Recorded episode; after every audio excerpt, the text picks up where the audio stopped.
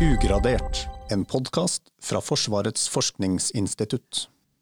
Hvert år blir mellom 10 000 og 12 000 norske jenter og gutter plukka ut til førstegangstjeneste. Og akkurat den prosessen er helt avgjørende for Forsvaret. Men hvordan blir disse ungdommene egentlig plukka ut, og kan vi gjøre det på en bedre og mer fornuftig måte, både for ungdommene og Forsvaret? I studio i dag har jeg en forsker som jobber med bl.a. denne typen spørsmål. Eh, Kari Røren Strand, velkommen til deg. Tusen takk.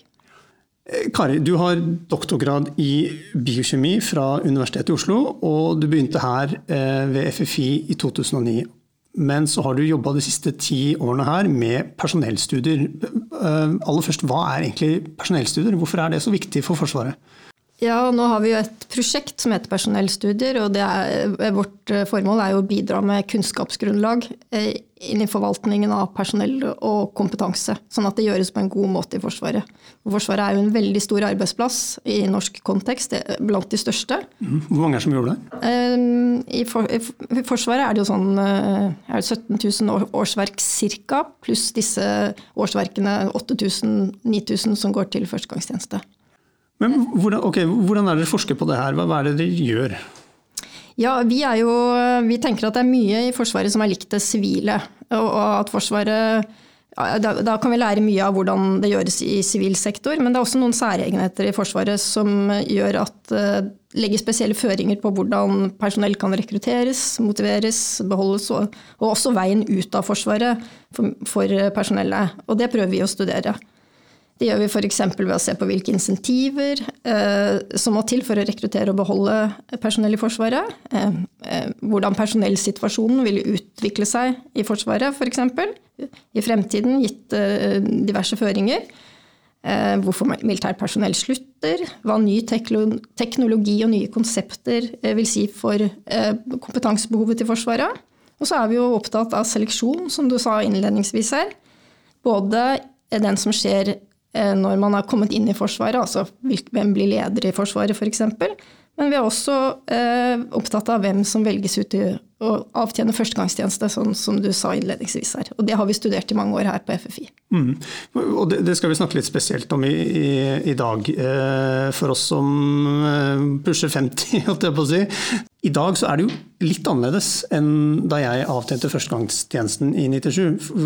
Nå er det jo innført eh, verneplikt for kvinner. Så det er flere kvinner i førstegangstjenesten. Men totalt sett så er det et litt snevrere utvalg som skal inn. Eh, hvert kull er på 60 000 ungdommer. 20 000 av disse blir kalt inn til sesjon hvert år. Og så er det igjen da 10 000-12 000 som blir eh, valgt ut til tjeneste. Og av de igjen så er det ca. 8000 som fullfører. Eh, aller først for de som ikke har vært på sesjon på en stund. Hvordan, hvordan velges rekruttene ut i dag? Hva, hva er kriteriene? Ja, Det stemmer at sesjonen i dag er eh, annerledes enn eh, på din tid. I dag har Forsvaret en todelt sesjonsordning. Eh, alle norske 17-åringer fyller ut en egenerklæring. Det er et slags spørreskjema som de på, gjør på nettet. Og Der får de spørsmål om bl.a. helse, fysisk form, sosiale egenskaper og dette om å ønske om å gjøre tjeneste. Nå er det ikke frivillig å gjøre tjeneste, da, så det, vi har jo allmenn verneplikt. Men som du sa, så er det omtrent 60 000 i hvert årskull, og noen av dem vil av medisinske årsaker ikke være aktuelle for tjeneste, dvs. Si ikke tjenestedyktige. Og så er det rundt 20 000 som velges videre til sesjon, og noen av disse tas inn fordi de har kompetanse som er viktig for Forsvaret, eller fordi de har en geografisk tilhørighet som er viktig. Men resten de tas inn basert på de svarene de har gitt på denne egen erklæringsskjema, og da vektlegges f.eks. fysisk form høyt i dag sammenlignet med med det med motivasjon for tjeneste. Ok, men og Vektingen av disse faktorene. Du sa det at uh, fysisk form vektlegges høyere enn motivasjon, men er det en sånn fast formel for hele Forsvaret, eller varierer det fra gren til gren? Nei, de bruker en slags formel for å velge inn til, til uh, sesjon. Ok. Ja. Og når det kommer til sesjon, hva skjer da? Ja, Da er det intervjuer og tester, og da blir jo, um, da blir jo det, dette med fysisk form testa som man eh, gjennomfører tester, ikke en sånn egen evaluering som, som den, eh, det spørreskjemaet er. Og så er det jo Forsvarets behov da, som styrer hvem som eh, blir tatt inn. Men det neste spørsmålet er kanskje vanskelig å svare på, men det er en sånn gammel tegneserie eller en, egentlig en gammel stående vits om eh, at hvis du har jobba som sjåfør i det sivile, så blir du satt til å lage mat, men hvis du er kokk før du kommer inn til førstegangstjeneste, så blir du satt som sjåfør. Er, er det fortsatt sånn? Ja, altså Dette er jo ikke noe vi har sett på, men vi har jo samarbeida med Forsvarets personell- og vernepliktsenter, altså de som velger ut hvem som eh, skal komme på, eh, til sesjon. Da. Um, og vi vet jo at noen kompetanse er viktig for Forsvaret. For eksempel, og dette er ofte kompetanse hvor de er i sterk eh, konkurranse med det sivile. Det kan være ulike typer yrkesfaglige innretninger, sånn som sertifikater om maskinfører og anlegg, av anleggsmaskiner, vognførere teknisk utdanning f.eks. Og så er de også opptatt av, Forsvaret opptatt av å få inn en del lærlinger når det gjelder matproduksjon og kokk- og servicefag, bl.a. Også maritime fag. Og dette er kompetanse som er viktig for Forsvaret. Eh, så hvis det, eh, eh, personell som har denne kompetansen blir tatt inn, så tror jeg Forsvaret etterstreber at de skal få en tjeneste hvor Forsvaret får brukt denne kompetansen. Men så er det jo sikkert også mange ungdom som har lyst til å gjøre noe annet det året de er inne i førstegangstjeneste, enn det de har utdanna seg til, fordi man er ung og usikker og sånn. Og her er jeg veldig usikker på hvilken påvirkningskraft den enkelte har. Men jeg tror nok til syvende og sist da, at det er Forsvarets behov her som er styrende, og da velger jeg å, å håpe og tro at ikke det er sånn som eh, i Billy-tegneserien, at man utnytter denne kompetansen. Mm. Eh, I fjor så ga dere ut en rapport som handler om førstegangstjeneste og det her med ungdommers ønske om tjeneste. Rapporten heter 'Hvordan bør ungdom, ungdommers ønske om tjeneste i Forsvaret påvirke hvem som blir eh, selektert eller valgt'? Hvem er det dere eh, spurte i denne undersøkelsen? Ja, da er det jo ikke sånn at vi spør noen. Vi får, inn eh, anonymiserte data fra denne egenerklæringen. Og da har jo disse ungdommene fylt ut en rekke spørsmål, f.eks. om de ønsker førstegangstjeneste. Og en rekke andre spørsmål. Det er den de fyller ut før de kommer inn til sesjon? Ja. Mm, og så vet vi også, fordi vi har anonymiserte data, om hvem som starter og hvem som fullfører førstegangstjenesten. Og på den måten så kan vi undersøke om det er noen kjennetegn ved de personene som ønsker seg tjeneste i Forsvaret når de er 17 år og som, eh, og, om, og som, eh, fullfører, sammenlignet med de som ikke ønsker seg tjeneste og må inn i førstegangstjenesten. Da. Det er kanskje et dumt spørsmål, men hvorfor, hvorfor, er det her med førstegangstjenesten og hvem vi velger ut til, til den, hvorfor er det så viktig for Forsvarets fremtid? Ja, det er jo først og fremst viktig for at vi skal sikre god operativ evne og effektiv drift av Forsvaret. For disse unge, eh, disse unge, voksne, når de er i førstegangstjenesten, så har jo noen av dem allerede der en funksjon eh, hvor de er del av Forsvarets daglige drift. F.eks. de som står vakt foran Slottet. Eh, og så er de fleste skal jo utdannes til en, en rolle i styrkestrukturen da, som og Derfor er det jo viktig at uh, de er motiverte for å fullføre førstegangstjenesten, og at de er motiverte for å gjøre det på en god måte. Og Dessuten så blir jo uh, førstegangstjenesten stadig viktigere som rekrutteringsbrønn inn i Forsvaret. For det er fra denne gjengen her uh, Forsvaret skal rekruttere de fleste av sine militært ansatte. Nemlig, men i studien så gravde dere i hva motivasjonen betyr for sannsynligheten til å fullføre førstegangstjenesten. Hva var det dere fant ut? Jo, vi finner ut at de som er motivert for eh, å gjennomføre førstegangstjeneste, gjennomfører i større grad uh, enn de som blir valgt ut og ikke er motivert. Og det er ganske stor forskjell. Så finner vi også ut at det er jo mange av disse Altså fysisk form, da, f.eks. Det er mange av de umotiverte, nei, motiverte med dårlig, dårligere fysisk form enn en de beste, som gjennomfører i større grad enn motivert umotiverte med god fysisk form. Mm. Så vi, det er ganske mye å tjene på der hvor Forsvaret kan velge eh, å ta inn de som er motiverte. Men så er det selvfølgelig en avveining hvor dårlig fysisk form kan man være når man starter. For det er jo en oppstartskostnad her på å få disse opp og i, i, i god form. Man har tolv måneder på seg, eller ja. Men hva kan Forsvaret gjøre da for å beholde flere av, av rekruttene i førstegangstjenesten? Ja, hvis, de skal, hvis, det er at de skal levere en god førstegangstjeneste, så er, jo, er, motivasjonen viktig her. Så der hvor Forsvaret kan velge, så bør de heller velge motiverte over umotiverte. Blant de motiverte så finner du også en spesiell gruppe som vi er ganske opptatt av. Det er de som har litt mer langsiktig motivasjon for Forsvaret. De som er kunne tenke seg utdanning og f.eks. deltakelse i internasjonale operasjoner allerede som 17-åringer, de ser vi i større grad blir rekruttert til stillinger i Forsvaret etter førstegangstjenesten. Så det er en veldig viktig gruppe her. Er menn mer motivert for tjeneste enn kvinner? Eh, ja, menn er noe mer motivert for tjeneste enn kvinner. Det er sånn at eh, Når vi måler på dette motivasjonsspørsmålet, så i hvert fall de siste årene, så det ligget, er det sånn, omtrent 40% av mennene som er motivert for, for førstegangstjeneste, og omtrent 20 av eh, kvinnene. Men i antall så er det jo derfor ganske mange som er motivert, både kvinner og menn, da, som kunne tenke seg å gjennomføre førstegangstjenesten. Men vil det ha noen effekt for Forsvaret? Altså hvis, hvis de f.eks. ønsker å få flere til å fullføre førstegangstjenesten, vil det ha noen effekt å velge bort umotiverte kvinner til fordel for motiverte menn? Ved at Forsvaret legger mer vekt på motivasjon for tjeneste, så vil nok noen færre kvinner enn i dag tas inn til sesjon.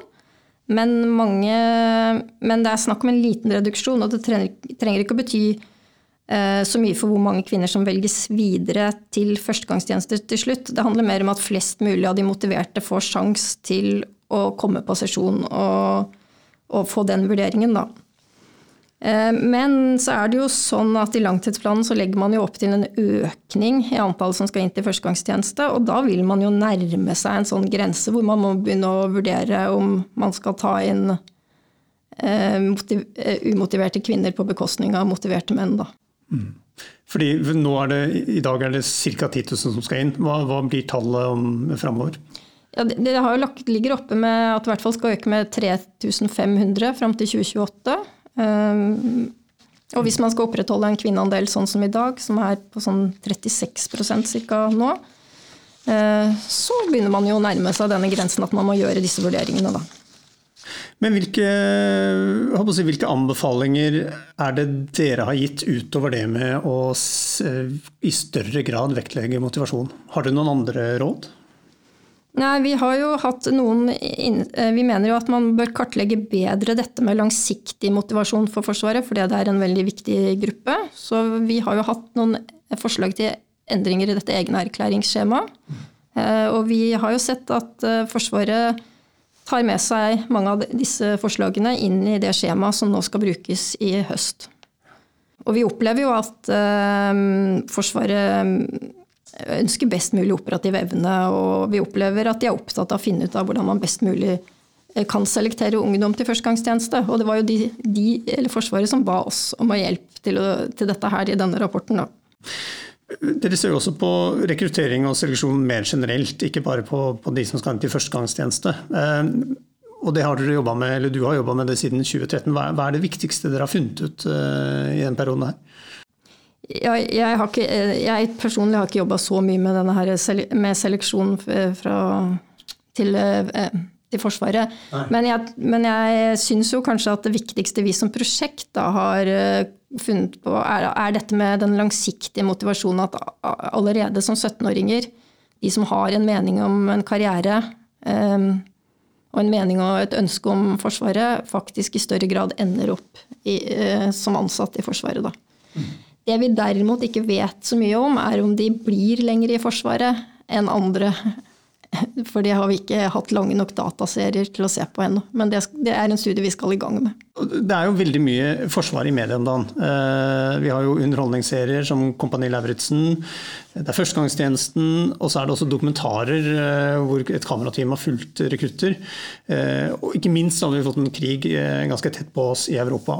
Har, har dere sett noe på altså, hvordan holdninger til Forsvaret og det å gjøre tjeneste har endra seg de siste 10-15 årene? Nei, Vi har ikke fulgt akkurat det direkte, men vi kan jo gjennom vårt datagrunnlag eh, følge med på motivasjonen for å gjennomføre førstegangstjeneste. Eh, og den ser vi at egentlig har vært ganske, eller ligget relativt stabilt for både kvinner og menn etter innføringen av allmenn verneplikt. Da. Sånn rundt 20% av kvinnene er eh, motivert, og rundt 40% av mennene. Det har ikke beveget seg noe særlig. Og det går heller bitte litt ned enn opp, hvis man skal si noe. Men det at Forsvaret åpner litt opp, og så viser liksom allmennheten mer av eh, hvordan eh, Forsvaret er, gjennom sånne dokumentarserier som du eh, refererer til, det tror jeg er positivt. For vi ser nok at mange ungdom synes at det er vanskelig å vite hva førstegangstjenesten innebærer. Og det er vanskelig å svare på om de er motivert for det. Mm. Eh, derfor så har jeg ganske stor tro på åpenhet i, i, media om hva Forsvaret er. Og kanskje er det også sånn at man bør lære mer om Forsvaret og førstegangstjenesten på skolen. Sånn som flere foreslår, bl.a. Forsvarskommisjonen hadde jo det i, i sin rapport nå.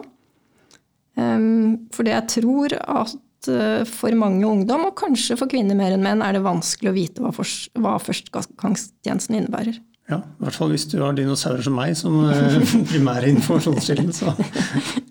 Vi vet vel mest at informasjonskilden deres er jo familie, men det er også venner. da.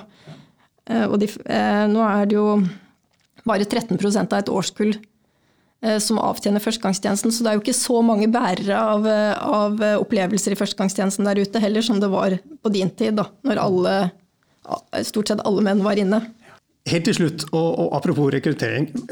Du, jo, du, har en doktorgrad i biokjemi. Hvorfor, altså, hvordan havna du innenfor personellstudier? Ja, jeg er vel rekruttert til FFI som operasjonsanalytiker. Eh, og operasjonsanalytikere på FFI er realister. Det er eh, fysikere, kjemikere, informatikere, matematikere. Eh, også på, vår, på den avdelingen jeg jobber, da, så er jo en av kjerneoppgavene våre på å se hvordan oppgaver og økonomi og ressurser henger sammen. Og menneskene blir jo ofte sagt å være Forsvarets viktigste ressurs. Mm. Så jeg føler meg ganske heldig som har fått eh, lov til å jobbe med, med, med å se på problemstillinger knyttet til, til, det med hvordan vi forvalter menneskene i, i Forsvaret. Da.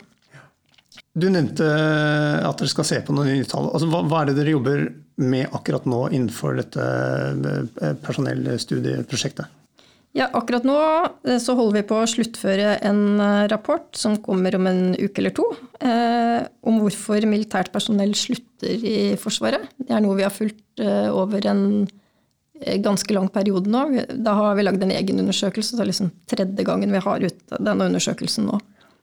Så vil vi jo ta opp igjen ting, studier her da, som går på førstegangstjenesten utover høsten og se på hvem det er som rekrutteres fra førstegangstjenesten inn til videre tjeneste i Forsvaret. Hva som karakteriserer de som blir i Forsvaret en stund. Om, om vi allerede på det de svarer på egenerklæringen, kan si noe om uh, hvem de er. Og Hvis dere der ute har lyst til å finne ut eh, det siste eh, innen forskning på hvem som blir og hvem som forlater Forsvaret, så får dere følge med på ffi.no. Og så er vi også tilbake med en ny podkast om to uker. Ha det bra.